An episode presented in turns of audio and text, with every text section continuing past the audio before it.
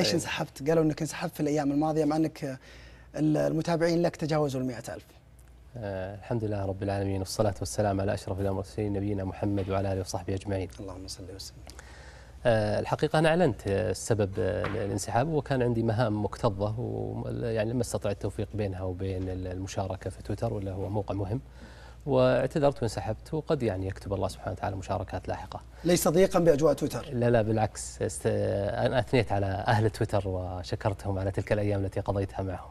من كل الاتجاهات ومن كل التيارات. آه لمن أحسن وعفوت عمن أساء.